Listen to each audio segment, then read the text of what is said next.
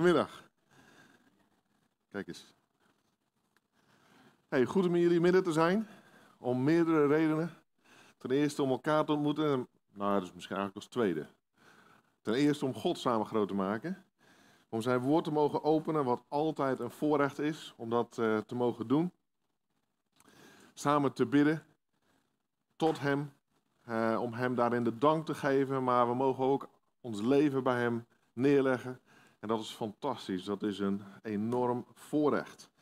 Hey, voordat we Gods woord gaan openen, uh, ik wil met jullie straks gaan stilstaan bij de gelijkenis van de koninklijke bruiloft in Matthäus hoofdstuk 22. Dus als je dadelijk Matthäus hoofdstuk 22 erbij wilt zoeken, of nu al, dan mag dat. Uh, heel graag zelfs. Maar voordat we daarin gaan duiken, stel ik voor dat we God vragen om een zegen maar ook om zijn leiding, dat we datgene wat God wil zeggen en God duidelijk wil maken door zijn woord in dit gedeelte, dat dat ook helder eh, naar voren mag komen en dat we allemaal, inclusief mezelf, ik heb natuurlijk al wat voorbereiding gedaan, maar wie weet dat we dat nieuwe inzichten mogen komen, maar dat God ja, zijn werk door zijn woord in jou en mijn leven mag en zal doen. Laten we daarom bidden. Hemelse Vader, we danken u dat we hier samen mogen komen. Ja, tot eer en tot glorie van uw grote naam. Want u bent het waard om geprezen te worden. U bent het waard om naar geluisterd te worden als we uw woord openen. U bent het waard om naar te bidden, om de dank te zeggen. En we hebben het net gevierd in het avondmaal. Wat is het offer wat u gebracht hebt? Toch ongelooflijk groot geweest. Om uw zoon naar deze aarde te sturen, om voor mij en voor een ieder hier te sterven. Maar daar houdt het niet op. Het is een lijdensweg geweest om de straf die wij verdienden te betalen, bij ons weg te nemen. Maar u, Heer Jezus, u bent ook weer opgestaan uit de dood. U leeft weer. En dat geeft een toekomst, dat geeft en garandeert een overwinning op de dood. En daar mogen we naar uitkijken, ook in de gelijkenis die u daarin vertelt over de koninklijke bruiloft. Vader, we willen u vragen of u ja, door uw woord tot ons wilt spreken. En of u krachtig wilt werken, daarin ook met uw Heilige Geest. Dat vragen we u in de machtige naam van uw Zoon, de Heer Jezus. Amen. Matthäus hoofdstuk 22, vanaf vers 1 en ik lees tot en met vers 15. Ik stel voor dat we het gedeelte eerst lezen en dan gaan we eens kijken wat we ermee moeten of kunnen. En Jezus antwoordde vanaf vers 1 in Matthäus 22. En Jezus antwoordde en sprak opnieuw tot hen door gelijkenissen en zei: Het koninkrijk der hemelen is gelijk aan een zeker koning die voor zijn zoon een bruiloft bereid had. En hij stuurde zijn dienaren erop uit om de genodigden voor de bruiloft te roepen maar zij wilden niet komen. Opnieuw stuurde hij dienaren erop uit, anderen, en hij zei, zeg tegen de genodigden, zie, ik heb mijn middagmaal gereed gemaakt. Mijn ossen en de gemeste dieren zijn geslacht en alle dingen zijn gereed. Kom naar de bruiloft. Maar ze sloegen er geen acht op en gingen weg. De een naar zijn akker, de ander naar zijn zaken. En de anderen grepen zijn dienaren, behandelden hen smadelijk en doden hen. Toen de koning dat hoorde, werd hij boos. En hij stuurde zijn legers, bracht de moordenaars om en stak hun stad in brand. Toen zei hij tegen de dienaren: De bruiloft is wel bereid, maar de genodigden waren het niet waard. Ga daarom naar de kruispunten van de landwegen en nodig er voor de bruiloft zoveel uit als u er maar zult vinden. En die dienaren gingen naar de, naar de wegen, verzamelden alle die zij vonden, zowel slechte als goede mensen. En de bruiloftzaal werd gevuld met Toen de koning naar binnen was gegaan om de gasten te overzien, zag hij daar iemand die niet gekleed was in bruiloftskleding. En hij zei tegen hem: Vriend, hoe bent u hier binnengekomen, terwijl u geen bruiloftskleding aan hebt? En hij zweeg. Toen zei de koning tegen de dienaars: Bind hem aan handen en voeten, neem hem mee en werp hem uit, de buitenste, uit in de buitenste duisternis. Daar zal gejammer en zijn en geknas. Want velen zijn geroepen, maar weinigen uitverkoren. En ik pak vers 15 er nog even bij. Toen gingen de fariseeën weg en beraadslaagden hoe zij hem op zijn woorden konden vangen. Nou, een boeiend verhaal, een boeiende gelijkenis. Tenminste, vind ik. Er gebeurt best veel in, in, in dit verhaal, in de gelijkenis die Jezus hier uitlegt en vertelt. Ehm, er is een koning die bereidt voor zijn zoon een bruiloft voor. Er worden mensen uitgenodigd. En je zou denken, een uitnodiging van de koning, yes. Wie ben ik om uitgenodigd te zijn? Maar ze komen niet. Vreemd. Vervolgens blijft het daar niet bij. Nog een keer de uitnodiging. En er wordt gemoord.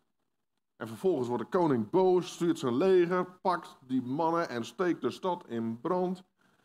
En vervolgens vult de zaal zich met genodigden van her en der. Misschien wel een hele vreemde groep mensen die uiteindelijk in een bruiloftszaal zit, zoals we misschien hier zitten. Jullie zijn ook een vreemde groep mensen, toch? Nou, misschien wel. Misschien maak ik het nu vreemd. Uh, maar daar houdt het dan niet op. Op een gegeven moment komt de koning de bruiloftszaal binnen. En dan nog een hele vreemde situatie met iemand die de verkeerde kleren aan heeft en met handen en voeten gebonden. Een vreemd verhaal eigenlijk, wel heel boeiend en interessant. Wat, wat moeten we hier nou mee? Wat kunnen we hiermee? Nou, ik denk best veel. En we gaan er doorheen lopen. Maar, maar, voordat we hier doorheen gaan lopen van, hey, wat betekent dit nou? Wat, wat, wat, wat bedoelt Gods woord hier nou? Is het denk ik cruciaal om, om even te bekijken in welke context Jezus dit verhaal vertelt. En jullie mogen dat vanmiddag of vanavond rustig nog eens even nalezen. De tweede helft van hoofdstuk 21, dus de helft van het hoofdstuk daarvoor. Dat zou je eens terug moeten uh, lezen om de context eigenlijk een beetje erbij te, uh, te pakken en te zien. Nou, ik vertel de context eventjes en dan kunnen jullie het thuis nalezen. Maar de context heeft eigenlijk met vier elementen te maken, of in ieder geval met vier elementen. Het eerste element is, Jezus is aan het onderwijzen in de tempel in Jeruzalem. Dat is, dat is eigenlijk zeg maar, het, het uh, toneel waar het zich op, op plaatsvindt, op afspeelt. Jezus is aan het onderwijzen in de tempel. En dat brengt een reactie teweeg. Want Jezus komt natuurlijk naar deze aarde toe, komt hier op het toneel, gaat in de tempel eigenlijk staan te onderwijzen. Maar, maar, maar er zijn een paar anderen die denken, maar wacht even, wij deden hier altijd het onderwijs. De overpriesters en de fariseeën, de schriftgeleerden, die zeggen, uh, sorry, dit, dit, is onze plek. Wie, wie ben jij? En ze vragen dat dan ook aan Jezus. Met welke bevoegdheid doet u deze dingen hier? Want wij hebben je hier niet geïnstalleerd. Maar je staat hier wel onderwijs te geven. En Jezus die geeft op een briljante manier eigenlijk een wedervraag terug. En zegt, oké, ik geef jullie het antwoord op jullie vraag als jullie antwoord geven op een vraag die ik heb. En dan stelt Jezus de vraag, Johannes de Doper, die kennen jullie wel hè? Johannes de Doper, vertel mij, de doop die hij doopt, komt die uit de hemel van God of komt die uit de mens? Is het iets wat Johannes heeft bedacht? En die overpriesters en die fariseeën die gaan bij elkaar die zeggen van wat zullen we antwoorden? En dan zeggen ze tegen elkaar, als we zeggen dat die, de doop uit de hemel komt van God, dan zal Jezus tegen ons zeggen, oké, waarom heb je hem dan niet geloofd en je door hem laten dopen? Hm, dat is, antwoord kunnen we dus niet geven. Andere mogelijkheid is, uh, het komt dus uit Johannes, uit de mens. Maar dan krijgen we een probleem met de menigte, want die zien Johannes als een profeet. Dus, wat doen ze? Ze komen terug naar Jezus en zeggen, we weten het niet. En dus zegt Jezus, nou dan geef ik u ook geen antwoord op de vraag die u mij gesteld had. En wat doet Jezus vervolgens? Hij gaat door met onderwijs geven. Want daar was hij mee bezig. Dus heeft een onderbreking, hij gaat vervolgens door. Maar wel heel duidelijk in het besef dat die overpriesters en fariseeën daar aanwezig zijn. Dat is, de overpriesters en de fariseeën, dat is eigenlijk de, de, de religieuze elite, zou je kunnen zeggen. Dit zijn de religieuze mensen, die weten het allemaal, maar ze zijn er religieus mee geworden. En dan krijgen we nog twee gelijkenissen voordat Jezus bij die gelijkenis van de koninklijke bruiloft uitkomt. Want Jezus vertelt dan een gelijkenis van een vader die twee zonen heeft. En de vader heeft twee zonen en die zegt tegen de eerste zoon, zoon, ik wil dat je vandaag dit en dat gaat doen op mijn wijngaard. En de eerste zoon die zegt, uh, tuurlijk, ik ga onderweg, ik ga het voor u doen. Die zoon gaat onderweg, bedenkt zich en zegt, nee, ik doe het toch niet. Dus en hij doet het niet. Die tweede zoon, de vader stelt dezelfde vraag. En hij zegt, zoon, ik heb een klus voor jou. Wil je dat vandaag even voor me oppakken? En die zoon die zegt, nee, geen zin in. Ga ik niet doen. Die draait zich om, gaat onderweg en die bedenkt zich en denkt, ja, ik ga het toch doen. En die, en die doet het. En dan vraagt Jezus aan de overpriester en de schriftgeleerden, welke van de twee heeft nou de wil van de vader gedaan? Nou ja, de tweede natuurlijk. Nou, goed geantwoord. Maar er ontstaat, er begint een lijn te ontstaan. Want dan krijgen we nog een gelijkenis over een landeigenaar die een wijngaard aanlegt, daar een toren en zo en een muur omheen bouwt. En die verhuurt dat aan landbouwers. En op het moment dat het tijd is om te oogsten, stuurt hij een paar dienaren erop uit om eigenlijk zijn deel van de oogst te innen. Want hij heeft het verhuurd, dus hij, hij, hij wil zijn, zijn deel innen. Maar die landbouwers die zien, die zien zijn dienaren aankomen. En die zeggen, ja, dat zijn de dienaren van die landeigenaar. Nee, nee, nee, nee, hebben we geen zin in. Die pakken die dienaren en vermoorden ze. Wow.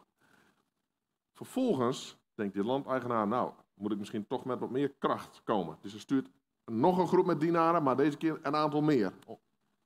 Maar die landbouwers denken, ah, deze kunnen we ook nog wel aan. Dus die pakken ook hen, vermoorden ook hem.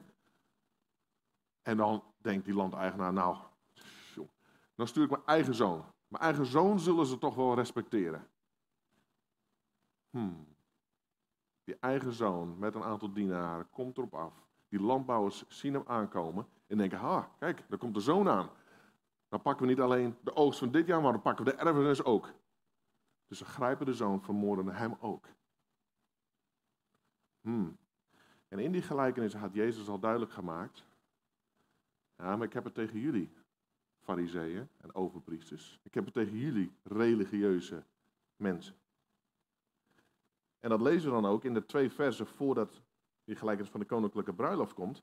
Want in vers 45 en 46 lezen we dan, en toen de overpriesters en fariseeën deze gelijkenissen van hem hoorden, begrepen zij dat hij over hen sprak. En zij probeerden hem te grijpen, maar zij waren bevreesd voor een menigte, omdat die hem voor een profeet hielden. Dus ze hadden het nu al wel aardig in de gaten. Dit gaat over ons. Hij hij spreekt over ons in bijzijn van een menigte. Nou, dat wordt wel wat precair. En je voelt eigenlijk de irritatielevels eigenlijk al stijgen en stijgen en stijgen. En dat, dat zie je hier dan ook. Ze zijn behoorlijk geïrriteerd, want ze willen hem eigenlijk grijpen, maar ze kunnen het eigenlijk niet omdat ze bang zijn voor de menigte. Hmm. En Jezus is hier eigenlijk bezig in dit hele onderwijs, waarin hij zich hier eigenlijk even specifiek richt op die religieuze groep. En als je naar de gelijkenissen en naar de vraag terugkijkt, dan zou je kunnen zeggen, oké, op basis hiervan, hoe uit religie zich? Nou, er zijn denk ik een aantal, onder, een aantal elementen die we hier al in naar voren kunnen, kunnen halen. Het eerste is dat religie heeft altijd kritiek. Religie gezond geloof, hè, gezond verlangen om naar de Bijbel te luisteren, de Bijbel te gehoorzamen, daar hoort soms gezonde kritiek bij. Maar religie heeft altijd kritiek en een religie heeft bijna alleen maar kritiek. Kijk, en, en dan wordt het problematisch. En dat zie je hier ook. Ze hebben kritiek op Jezus, maar ze hebben hem niet lief. Alleen maar kritiek. Wat doet u hier? Vervolgens zie je met die gelijkenis tussen die twee zonen dat wat religie vaak doet, is de religie zegt ja tegen het evangelie en ja tegen genade. Wat geweldig, geef het mij. Maar vervolgens doen ze nee. Dus ze ontvangen het voor zichzelf. Maar vervolgens als het gaat om het evangelie uitdragen naar anderen, naar je omgeving toe. Als het dus gaat om die genade en die barmhartigheid die je zelf ontvangen hebt door te geven. Dan zie je dat daar een verschil in komt. Dus ja voor mezelf, maar nee voor een ander. Dat is eigenlijk wat, wat religie doet. En dan met die wijnbouwers, daarin zie je dat God vertrouwt mensen veel toe. En dan in dit geval is het een wijngaard waarin vrucht gedragen mag worden. Maar je ziet dat die landbouwers, die willen het voor zichzelf houden.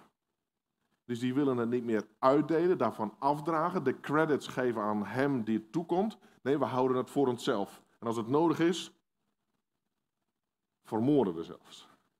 In dit verhaal. Maar we houden het voor onszelf. En je, en je zou bijna kunnen zeggen dat religie probeert misschien wel de controle van God over te nemen. God is de eigenaar van die wijngaard, maar die landbouwers zeggen: nee, nee, nee, nee, eruit. Wij runnen deze toko. Dit is. En eigenlijk sluit je God buiten, maar je doet het, begint het op je eigen manier te doen. En de fariseeën en de schriftgeleerden, die hadden een behoorlijk religieus systeem met allemaal ditjes en datjes, wat wel en wat niet moest. En zus moest het een, om de goedkeuring van God maar te kunnen ontvangen. Dat is wat religie kan doen. Nou, je kunt je voorstellen dat die schriftgeleerden en overpriesters behoorlijk geïrriteerd aan het raken zijn. Maar dan komt die gelijkenis van die koninklijke bruiloft en nog achteraan. Laten we daar nu eens bij stilstaan. Ik, ik lees de eerste twee versen nog een keer. En Jezus antwoordde en sprak opnieuw tot hen door gelijkenissen en zei: Het koninkrijk der hemelen is gelijk aan een zeker koning die voor zijn zoon een bruiloft bereid had. Maar laten we hier eens, eerst even stilstaan. Jezus die zegt: het, het koninkrijk van de hemelen is gelijk aan een zeker koning die voor zijn zoon een bruiloft bereid had. Dus je, je zou kunnen denken: Koninkrijk der hemelen, een koning, zoon, bruiloft. Daarmee kun je het vergelijken.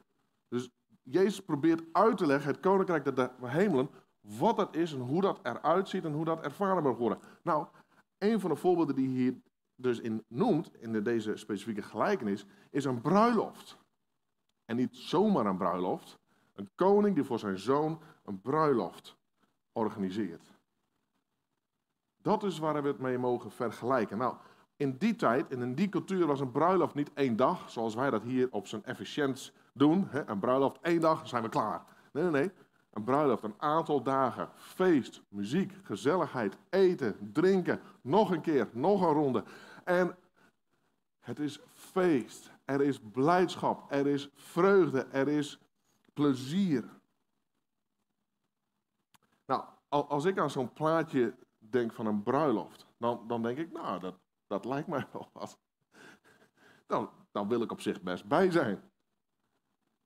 Ik weet niet hoe jullie, of misschien haten jullie wel bruiloften, weet ik niet. Maar ik, het klinkt mij goed in de oren.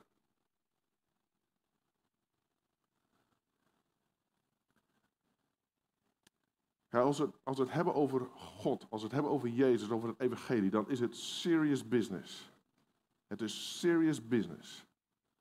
Dat mogen we echt serieus nemen. En tegelijkertijd zit er een element in van ontspanning, van bij God mogen zijn, van vreugde, van een toekomst waar we ook naar uit mogen kijken. Wauw.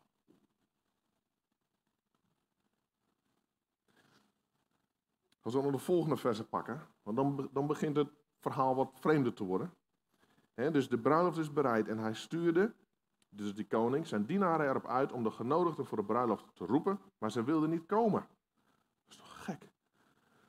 Opnieuw stuurde hij dienaren op uit, anderen. En hij zei, zeg tegen de genodigden, ik heb een middagmaal gereed gemaakt, maar ossen en de gemeste dieren zijn geslacht en alle dingen zijn gereed. Kom naar de bruiloft. Maar ze sloegen er geen acht op en gingen weg. De een naar zijn akker, de ander naar zijn zaken. En de anderen grepen zijn dienaren, behandelden hen smadelijk en doden hen. Dit is ongekend. Ik, ik probeer het mezelf een beetje in te beelden. Als je het verhaal zo leest van een, van een koning met een bruiloft. En mensen worden uitgenodigd. En eigenlijk als je technisch leest, dan zijn de mensen al uitgenodigd. Maar de mensen die uitgenodigd zijn, die worden alleen opgeroepen. Van het, is, het gaat nu gebeuren. Wie zou er voor een koninklijke bruiloft uitgenodigd worden? Stel, koning Willem-Alexander organiseert een bruiloft voor zijn Amalia. Ze is helemaal niet in maar stel je even voor. De bruiloft komt eraan. Wie denken jullie dat er uitgenodigd gaat worden? Wie mag erbij zijn?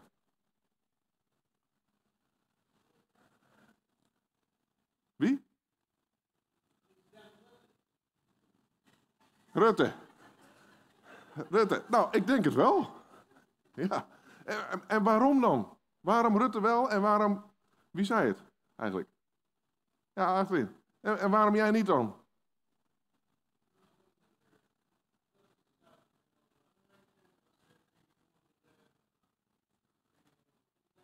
Ja, precies. Rutte is veel belangrijker dan jij. Ja, precies. nee, maar dat, dat, zo gebeurt het op een koninklijke bruiloft. Mensen die van invloed zijn, mensen die belangrijk zijn, mensen die van grote betekenis geweest zijn, hè, in de ogen van de wereld dan. Die staan op het lijstje. Die worden uitgenodigd. Nou, dat zijn jij en ik dus niet, normaal gesproken. En, en, toch is het vreemd, hè, want, en daar komen we dadelijk ook nog wel op terug. Maar jij en ik zijn door de koning van het universum, de koning van hemel en aarde, eigenlijk uitgenodigd om bij deze toekomstige bruiloft zeg maar, aanwezig te zijn. Jij en ik. Het is, onvoorstelbaar.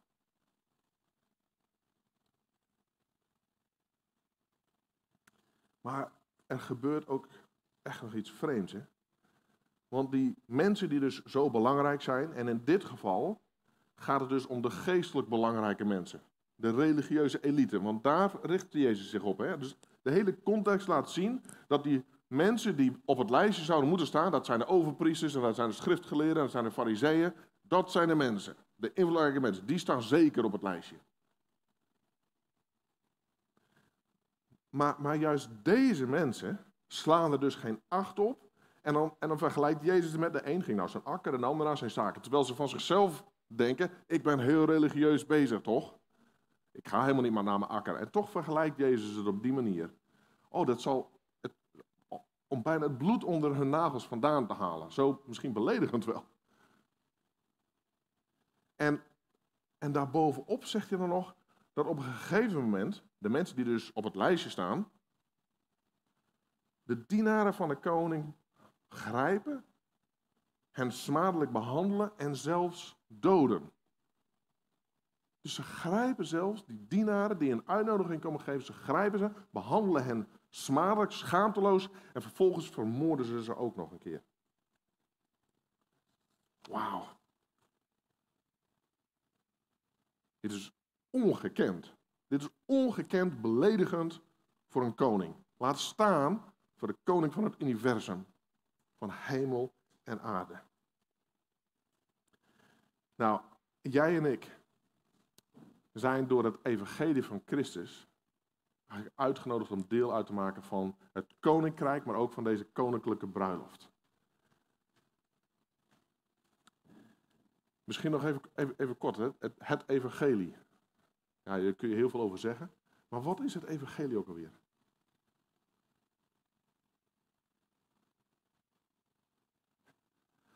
Ik heb jullie er even over na laten denken.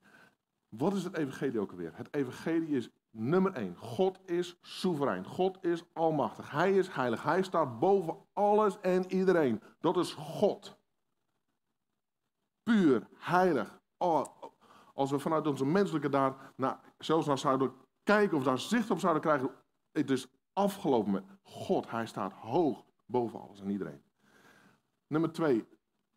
Wij mensen, we zijn op een wonderbaarlijke manier naar zijn evenbeeld geschapen. We zijn, we zijn zo bijzonder door deze God gemaakt. Maar we zijn gevallen in een zondige natuur. We zijn zondig. We rebelleren tegen God. We zetten God aan de zijlijn terwijl hij centraal zou moeten staan. We maken onze eigen keuzes terwijl we onze keuzes zouden moeten laten bepalen door Hem. Want Hij is de schepper. Hij is degene voor wie we mogen leven. Voor wie we zelfs bedoeld zijn. Maar we zijn dus wonderbaarlijk gemaakt, maar tegelijkertijd zijn we zondig en gevallen. En dan komt nummer drie, komt Jezus op het toneel. En Jezus leeft het leven tot eer van God, wat jij en ik hadden moeten leven. In volledige gehoorzaamheid. Tot volledige eer van God de Vader. En Jezus geeft vervolgens het offer wat jij en ik hadden moeten brengen. De doodstraf. Ten opzichte van deze heilige God.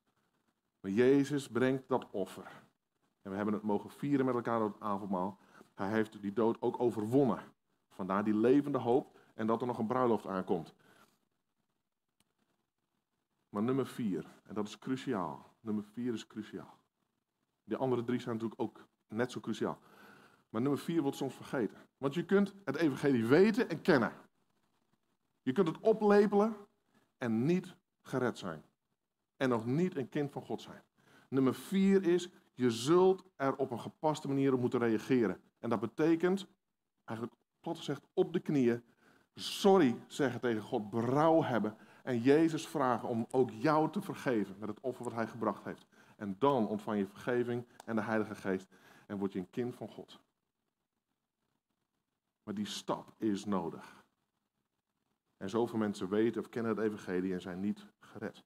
Nou, jij en ik, we zijn dus uitgenodigd door dit evangelie. Jezus is, je zou kunnen zeggen, Jezus is de uitnodiging. Hij is de uitnodiging en hij is door zijn geest hier aanwezig. Maar de vraag is, en dat is natuurlijk een cruciale vraag. De mensen hier die gingen naar een akker of naar hun zaken. Wij kunnen bezig zijn met onze carrière, met onze studie, met onze plannen, met onze activiteiten, met onze entertainment, met onze familie. Met... Staat Jezus bovenaan. Want die uitnodiging is hier. En we hebben eerder al, eigenlijk al gezegd, tenminste dat is mijn beoordeling dan. Het is beledigend om tegen de koning te zeggen op zo'n uitnodiging, nou hij komt niet. Ik heb iets anders wat belangrijker is. Kan ik, bij wijze van spreken, doorgeven dat jij er zeker bij wilt zijn? Of moet ik terug met het rapport, ja, nou, we was druk daarmee bezig en dat was toch iets belangrijker en ja, was een excuus hier en daar. Wat gaat het worden? Ben je erbij of ben je er niet bij? Which one is it? Kies maar.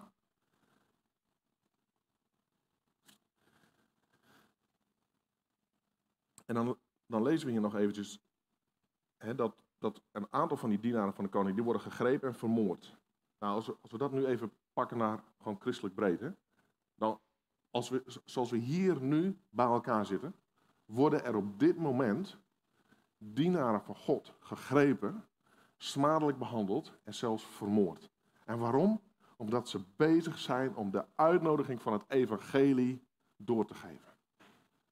Maar op dit moment worden er mannen, vrouwen, broeders, zusters van ons gegrepen. Die gaan door dingen heen, daar kunnen we ons geen voorstelling van maken.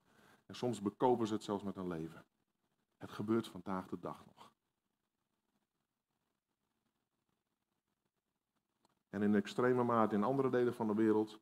En in hele andere manieren in Nederland ook.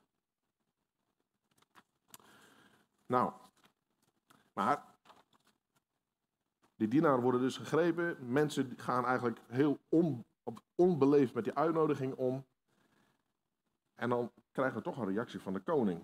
Want zijn dienaren worden dus gedood, de uitnodiging afgewezen.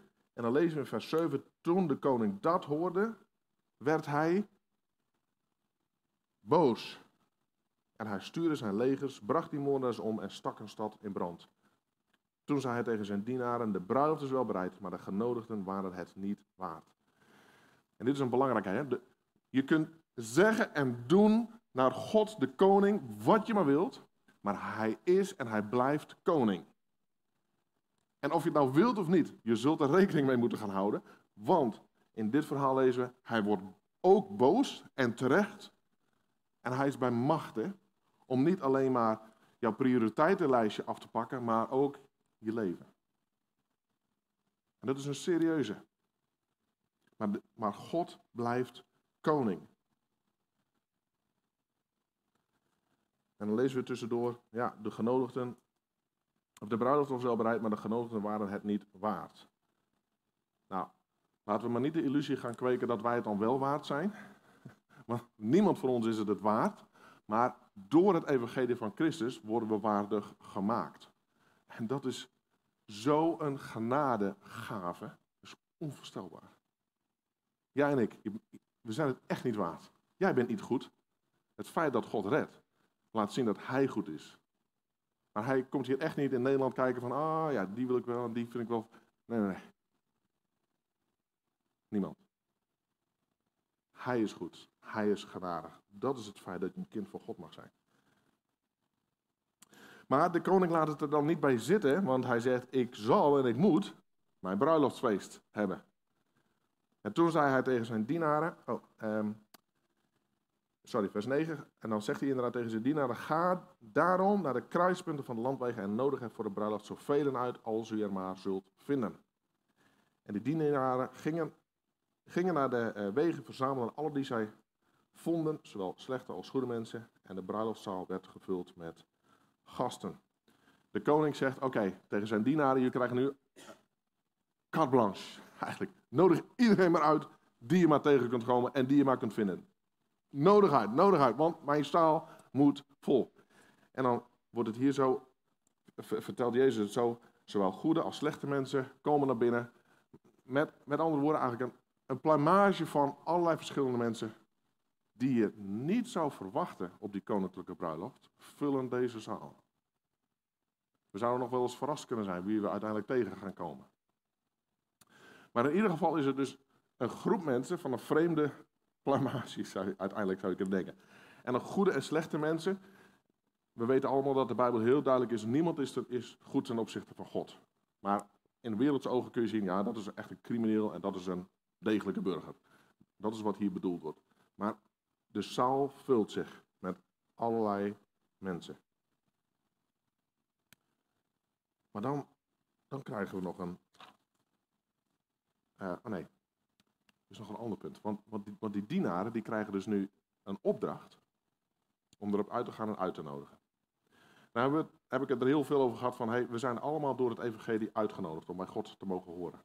Maar als je al bij God hoort en als je al een dienaar van Christus bent, dan hoop ik dat het inmiddels ook duidelijk is geworden wat de opdracht voor jou is. Dat, dat is Het evangelie verkondigen. Vertellen. Mensen uitnodigen. Op de straten gaan staan. In het centrum van Eindhoven. Uh, of waar jullie ook maar uh, gingen staan. Maar mensen uitnodigen. Vertellen. Dat is de opdracht. Maar als we dan deze gelijkenis even verder pakken, dan krijgen we nog een hele bizarre situatie. Want wat lezen we dan nog? Het feest is gaande. De gezelligheid en de muziek en het eten en de bruidshal werd gevuld met gasten. En dan vanaf vers 11. Toen de koning naar binnen was gegaan om de gasten te overzien, zag hij daar iemand die niet gekleed was in bruiloftskleding. En hij zei tegen hem: Vriend, hoe bent u hier binnengekomen terwijl u geen bruiloftskleding aan hebt? Hij zweeg. Toen zei de koning tegen de dienaars: Bind hem aan handen en voeten, neem hem mee en werp hem uit naar de buitenste duisternis. Daar zal gejammer zijn en tandige want velen zijn geroepen, maar weinigen uitverkoren. Wow. Feest is gaande. Gezelligheid is er. En op een gegeven moment komt de koning binnen en die overziet de zaal eens even. En er is in dit verhaal één persoon die steekt er met kop en schouders bovenuit.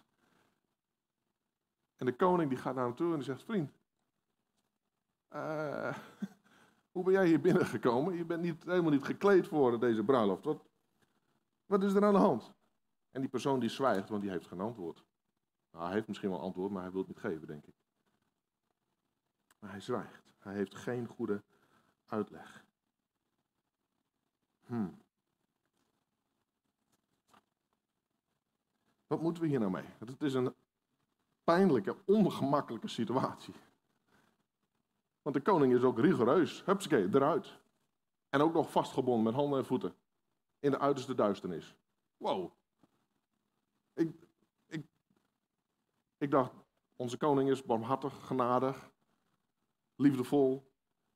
Hij, is, hij heeft gereageerd op die uitnodiging, hij zit erbij en toch, hoe, hoe kan het nou? Hoe, hoe zit het nou?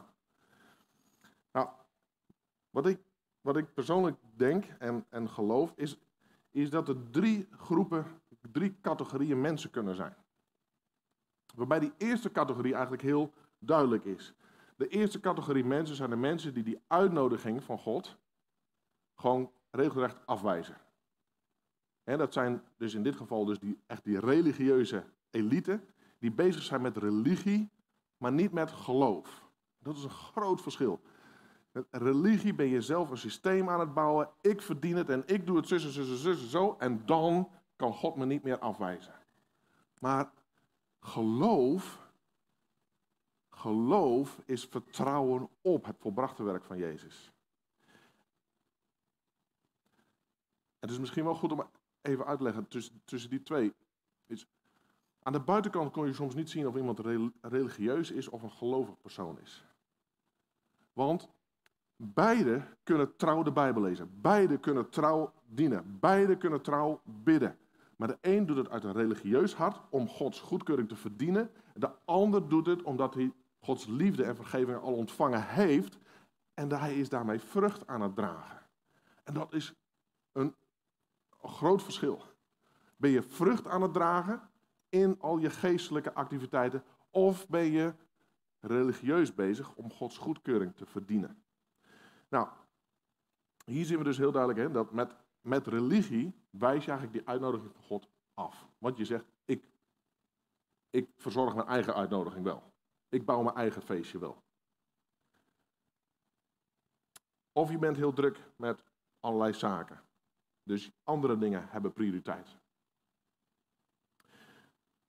Dus de, af, de uitnodiging wordt gewoon afgewezen. De tweede categorie, die gaat op de uitnodiging van het evangelie in. Gaat op de knieën, toont berouw en er ontstaat vrucht in het leven van die persoon. En die persoon die is in zijn leven bezig om eigenlijk die bruiloftskleren aan te trekken. En dat zijn geestelijke bruiloftskleren natuurlijk. Maar je krijgt een levensverandering waardoor iemand er eigenlijk bruiloftwaardig uit gaat zien. Daar gaan we dadelijk nog even, even verder over hebben. En dan heb je een derde categorie. En ik denk dat we daar hiermee te maken hebben. Dus een derde categorie.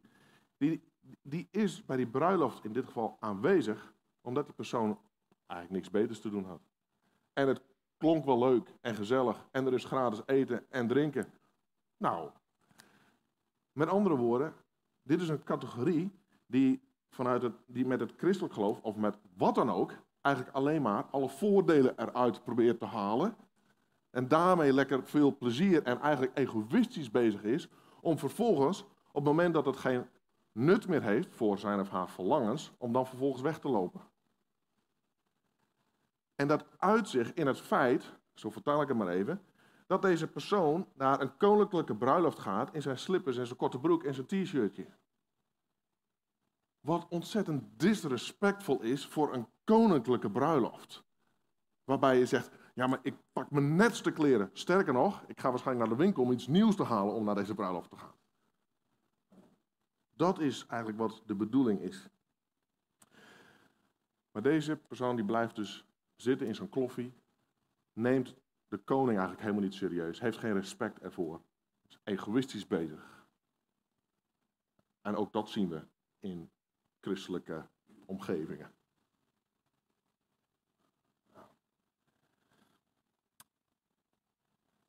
Maar het is soms makkelijk hè, om uh, hierover na te denken en om uh, te zeggen, ah, religieuze mensen, jongen, jongen, jongen, fariseeën, overpriesters, wat zijn jullie nou onnozel? Of deze persoon, ah, hoe kun je nou zo egoïstisch zijn? Hoe kun je nou in je kloffie daar naartoe gaan? Nou, ik denk dat het heel dichtbij kan komen. Want waar zouden we vandaag de dag de religieuze mensen vinden? Ik denk in de kerk. Gewoon om voor jezelf dat, die bewustwording te hebben. Om, om een voorbeeld te noemen, ja, ik heb ze niet meegenomen, vind, vind ik jammer. Ik heb ik heb namelijk twee leren jassen. Precies dezelfde. En hoe komt dat? Ik denk twintig jaar geleden. Zoiets. Was ik nog geen wedergeboren christen. Ik zeg het er maar even bij. De, de kroeg in ons dorp waar ik opgroeide, dat was, in het weekend was mijn vaste plek. Dus ik zat daar in de kroeg en op een bepaalde zaterdagavond zou ik naar huis en mijn jas is weg. Mijn leren bruine leren jek is weg. Wat doet Auke? Auke denkt niet, hm, ik ga gewoon eens iets nieuws halen. Gewoon een nieuwe look. Nee, Auke gaat naar precies dezelfde winkel toe om te kijken of diezelfde jas er nog hangt. Anderhalf jaar later. En mijn rempel, die jas hangt er nog. En ik, ik koop precies dezelfde jas. Ik had iets nieuws kunnen doen, maar we zijn soms zo gewoon om ons, om ons eigenlijk oude, vertrouwde patroon en jas weer aan te trekken. En het gaat zo snel. Ook in hoe we met mensen omgaan. Ook in onze irritaties of in onze houding of in onze keuzes die we, die we maken. Um, maar Colossense geeft er eigenlijk wel. Colossense hoofdstuk 3 is eigenlijk, gaat eigenlijk helemaal hè, over de oude jas uittrekken, de oude kleren uittrekken en de nieuwe geestelijke kleren aantrekken. Ik wil gewoon even twee versen voorlezen. Uh, daaruit. Uh, vers, vers 12 tot met vers 14. En, daar, en daarbij gaat het in Colossense hoofdstuk 3. En daar wordt even omschreven, trek nou die nieuwe kleren aan. Want je bent immers nu een kind van God. Je bent een nieuwe schepping. Je bent verlost. Trek dan alsjeblieft de kleren aan die daarbij horen. Maak je in die zin klaar voor die bruiloft. En daarvoor wordt omschreven welke oude kleren je uit mag doen, uit mag doen af uh, moet doen. Maar vers 12, kleed u zich dan als uitverkorenen voor God, van God, heiligen en geliefden, met innige gevoelens van ontferming, vriendelijkheid, nederigheid, zachtmoedigheid, geduld. Verdraag elkaar en vergeef de een de ander, als iemand tegen iemand anders een klacht heeft, zoals ook Christus u vergeven heeft. Zo moet ook u doen. En kleden zich boven alles met de liefde die de band van de volmaaktheid is. Nou, het is interessant om dit hele hoofdstuk nog eens te lezen in de context van deze dresscode, zou je kunnen zeggen, van dit bruiloftsfeest.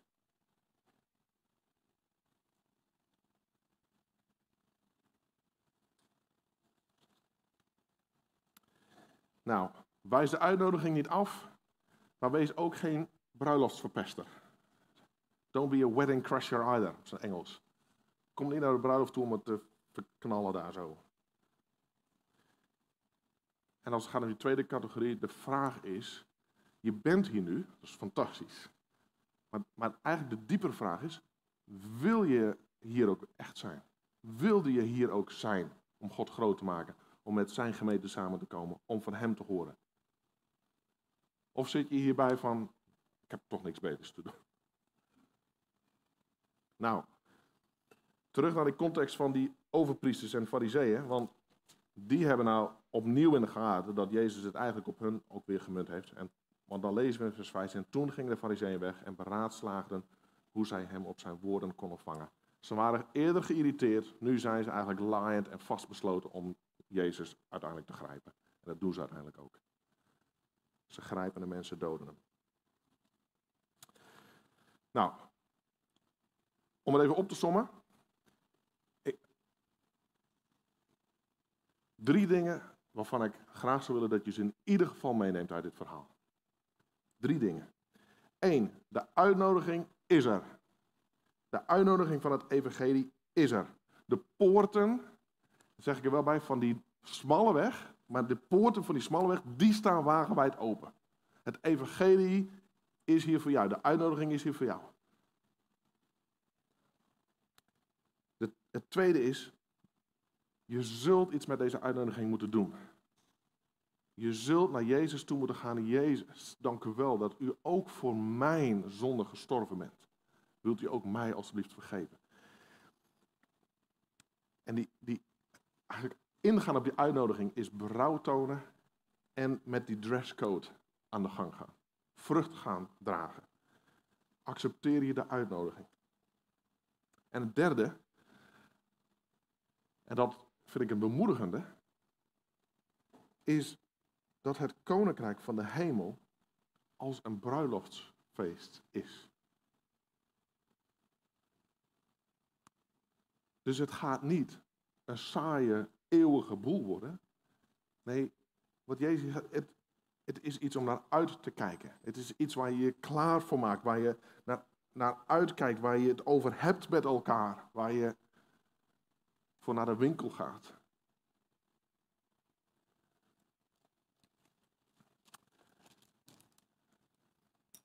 U maakt, zoals David het zegt, u maakt mij het pad tot leven bekend. Overvloed van blijdschap is bij uw aangezicht. Overvloed van blijdschap. Vreugde, plezier, blijdschap. Lieflijkheden zijn in uw rechterhand voor altijd. Lieflijkheden. Nou, lieflijkheden, dat zijn eigenlijk de beste dingen die je maar kunt bedenken. Uit zijn rechterhand voor altijd. Wauw.